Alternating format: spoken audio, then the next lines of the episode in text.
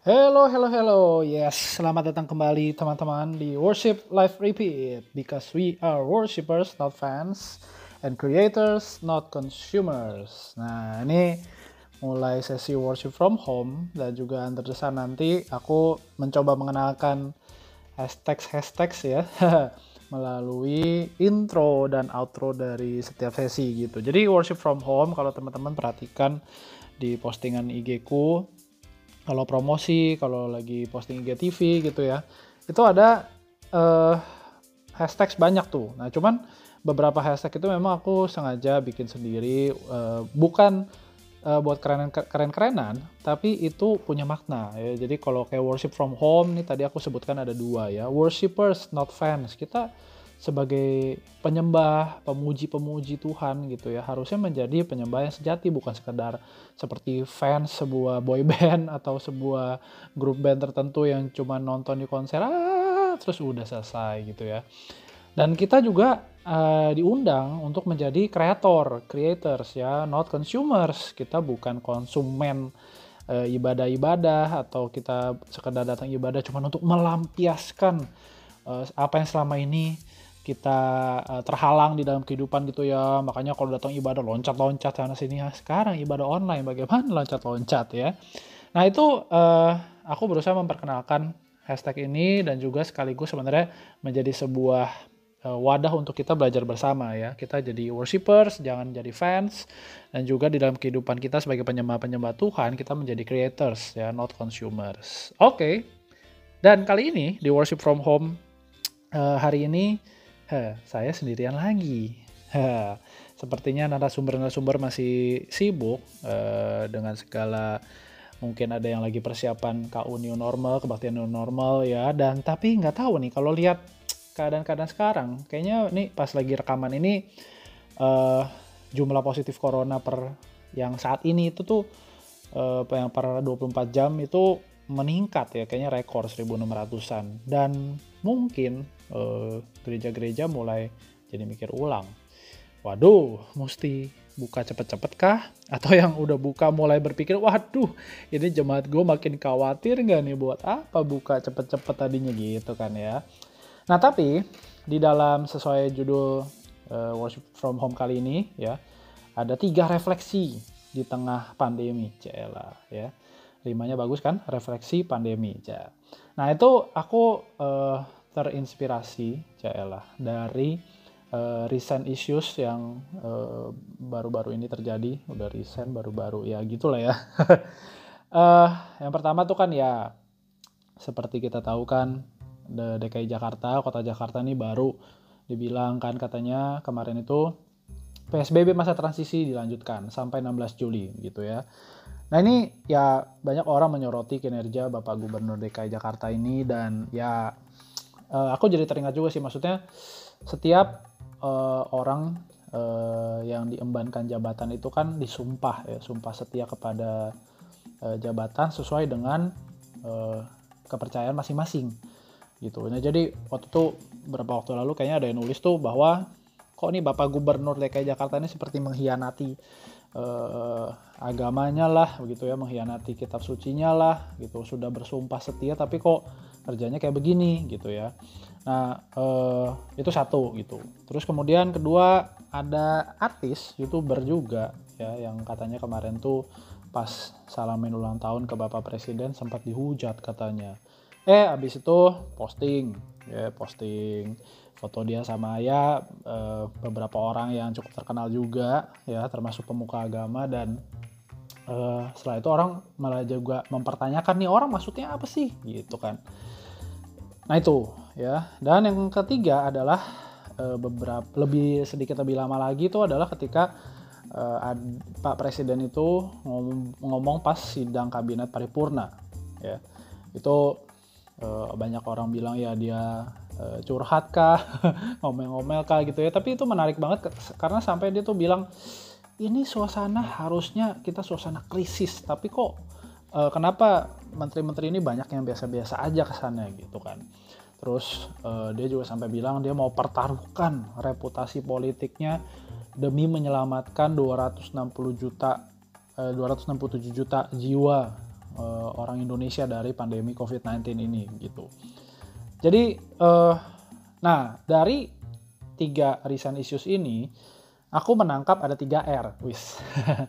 ini ya biar gimmick juga, tapi e, menarik sebenarnya untuk kita pikirkan khususnya di dalam pelayanan ibadah kita di masa-masa pandemi ini. Apalagi nih kayak tadi aku bilang ya, jumlah positif harian COVID-19 meningkat. E, nggak tahu apakah nanti ini 1.600 apakah nanti tiba-tiba ada 2.000, 2.500, 5.000 kita nggak tahu gitu ya per harinya gitu. Nggak tahu kapan puncaknya orang-orang bilang nggak tahu kapan puncaknya gitu. Nah, uh, aku melihat ada hal-hal yang bisa kita pikirkan bersama di dalam pelayanan ibadah kita gitu ya. Entah sekarang ya kita kebaktian online atau nanti kalau sampai membuka kebaktian new normal begitu atau buat gereja-gereja yang juga sudah buka kebaktian new normal gitu. Apa sih yang sebenarnya bisa kita pikirkan bukan sekedar untuk yang kita lakukan sekarang atau maksudnya sifatnya reaktif gitu ya. Tapi apa yang akan kita lakukan nanti juga gitu. Karena di tengah keadaan banyak ketidakpastian begini, wow, uh, kita nggak bisa cuma reaktif sih. Karena kalau reaktif bakalan capek gitu. Nah, 3R ini ya yang terinspirasi dari tiga recent issues itu yang tadi aku sebutin adalah yang pertama reshuffle, ya, yang kedua reshaping, dan yang ketiga refocusing gitu. Nah, apa aja 3R ini ya? Yang pertama, teman-teman soal reshuffle ya. Ini kan kemarin tuh sempat heboh kan pas Pak Presiden ngomong itu di berapi-api itu kan di sidang kabinet paripurna dia sampai singgung soal reshuffle. Nah, soal pelayanan ibadah ada baiknya kita juga memikirkan soal reshuffle. Maksudnya gini. Dulu mungkin kita melayani dengan format A misalnya gitu ya. Dengan model ibadah B dengan SDM sekian puluh juta jiwa lah lebay ya. Dengan SDM sek, sek, uh, sekian begitu misalnya berapa orang gitu. Dan lain sebagainya. Tapi kalau keadaan lagi begini kita kebaktian online mau buka kebaktian normal masih mikir-mikir kalaupun buka gimana ada protokol-protokol kesehatan di dalam beribadah yang harus dilakukan begitu. Padahal kita uh, ibadah itu kan misalnya ya salah satunya adalah banyak nyanyi Bagaimana caranya uh, kita memikirkan hal-hal demikian, tapi tanpa sekali lagi kalau teman-teman dengar worship from home yang minggu lalu, kita malah meminimalisir menyanyi misalnya tanpa menghilangkan esensi dari ibadah itu sendiri, misalnya gitu. Nah, apakah saatnya sekarang kita reshuffle? Maksudnya gini, reshuffle orang-orang yang melayani bersama dengan kita. Kalau mungkin dulu kita tidak perlu orang-orang yang super kreatif gitu ya. Nah, apakah saat saatnya saat ini kita perlu orang-orang seperti itu ya. Orang-orang yang mungkin bisa memikirkan ide-ide untuk kita terapkan di dalam uh, ibadah new normal misalnya begitu sebagai pengganti menyanyi misalnya apa sih yang kita perlukan? Apakah kita perlu mengembangkan visual arts misalnya? Atau kita mengembangkan elemen-elemen ibadah yang lain gitu. Nah kita juga perlu reshuffle tim pelayanan kita mungkin. Kalau dulu misalnya aku contoh ya di tempat gerejaku melayani tempat aku melayani ini uh, kami ada lima kebaktian gitu dengan tiga bahasa. Nah ketika pandemi datang, kami, waduh ini gimana ya? Uh, apakah hanya sekedar memindahkan lima kebaktian itu kepada kebaktian online? Wadaw ya. uh, makanya kami reshuffle. Maksudnya gini, uh, keadaan pun akhirnya memaksa kami untuk reshuffle pelayan. Tidak semua orang bisa terlibat di dalam melayani, entah karena usia, entah karena uh, faktor psikologi mungkin ya, maksudnya, aduh ini pandemi gue gak mau keluar misalnya gitu. Dan banyak-banyak faktor lainnya akhirnya aku pribadi juga harus reshuffle. Awalnya aku pikir waduh udahlah gue sendiri main gak apa-apa deh jangan libatin jemaat kasihan. Tapi akhirnya mencoba tanya teman-teman ada yang bisa bantu nggak? Bla bla bla. Tapi juga ada syaratnya ada protokol kesehatan ada protokol yang harus disampaikan kepada keluarga begitu ya supaya nggak kesannya aduh ini sih misal ini ya mengutilisasi anak saya misalnya gitu. Nah banyak reshuffle yang harus kita lakukan. Dan juga misalnya kalau agak uh, keluar sedikit dari ranah pelayanan ibadah walaupun bisa bersinggungan misalnya ya. Apakah kita harus mereshuffle uh, struktur kepengurusan mungkin? Gitu. Untuk misalnya menambahkan ada selama selama ini kita nggak pernah terlalu peduli dengan pelayanan digital misalnya. Nah, apakah kita harus mulai untuk menambahkan itu? Atau bahkan mengembangkan itu dengan segera dengan cepat? Karena kita nggak tahu nih kapan pandemi ini akan benar-benar berakhir, kapan kita betul-betul bisa beribadah fisik yang kayak tanpa harus betul-betul ketat protokol kesehatan itu man mungkin itu masih jauh ke depan gitu. Kita nggak tahu sampai kapan kita harus kebaktian online. Tapi ini yang harus kita hadapin. Nah, Apakah mungkin saatnya kita reshuffle berbagai hal, reshuffle tim pelayan kita, reshuffle orang-orang yang berpikir bersama dengan kita, gitu ya. Nah itu R yang pertama, teman-teman, ya, reshuffle. Yang kedua, reshaping, ya. Nah, apakah saatnya kita dengan kondisi, uh, aku nggak mau bilang total ya, karena mungkin ada gereja yang sudah buka kebaktian new normal gitu. Uh, dengan kondisi majority itu kita kebaktian online Nah, apakah saatnya kita reshape our worship gitu? Kalau selama ini misalnya kita beribadah uh, high liturgy banget gitu, misalnya kaku sekali kesannya dalam tanda kutip. Nah itu kalau mau ngomong soal kaku-kakuan, ngalir-ngaliran ya, boleh dengar worship from home yang sama Noel tuh, bahas soal liturgi ya kan ya. Nah apakah saatnya kita reshape our worship? kita mencoba misalnya lebih fleksibel dengan alur ibadah kita. Kita tidak mengubah misalnya kita tidak mengubah kerangka liturginya. Tapi bagaimana membawakan liturginya itu. Nah apalagi sekali lagi tadi misalnya kalau kita buka kebaktian new normal, ada banyak protokol kesehatan, salah satunya misalnya meminimalisir bernyanyi. Nah terus kita mesti ngapain? Nah teman-teman kalau kita nggak punya mindset yang fleksibel tapi tetap dengan esensi teologis yang tepat, maka kita akan mentok. Kita akan lah terus jemaat gue mesti ngapain gitu kan nah apakah saatnya kita sekarang reshape our worship termasuk juga misalnya kalau ngomong sampai hal yang teknis ya alat-alat musik yang kita gunakan model ibadah yang kita gunakan lagu-lagu yang kita gunakan. Karena ketika ibadah online sekali lagi ya kalau majority kita melakukan ibadah online misalnya nih gerejaku tadinya ibadah lima kali kebaktian yang hadir kira-kira 2.500 orang.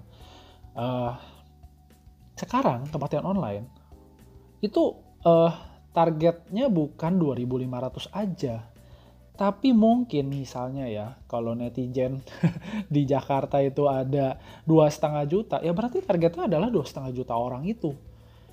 Kita nggak bisa lagi kami nggak bisa lagi berpikir bahwa oh kami hanya akan melayani 2.500 orang ini. Enggak tapi kami sedang melayani orang-orang yang misalnya ya mereka sedang cari aduh kok ibadah di gereja saya nih kok kayaknya sejak baktian online misalnya ya mohon maaf uh, saya nggak bisa menikmati gitu. Kok ada penurunan kualitas firman misalnya kok ibadahnya kok jadi kesannya seadanya dari ibadah yang tadinya ngeflow dengan baik satu jam satu jam 15 19 menit uh, ablah 15 menit misalnya. Terus kok jadi cuman uh, setengah jam 40 menit gitu. Nah, ketika mereka datang ke ibadah kita misalnya, nah itu udah satu uh, plus plus one gitu untuk jemaat virtual dalam tanda kutip yang uh, hadir bersama-sama di dalam ibadah kita. Nah makanya teman-teman jangan remehkan uh, apa yang kita bawakan. Dan uh, menurutku ya inilah saatnya kita reshape, kita reshape ibadah kita. Bukan untuk keren-kerenan, bukan untuk wah supaya orang akhirnya lihat ibadah kita gitu.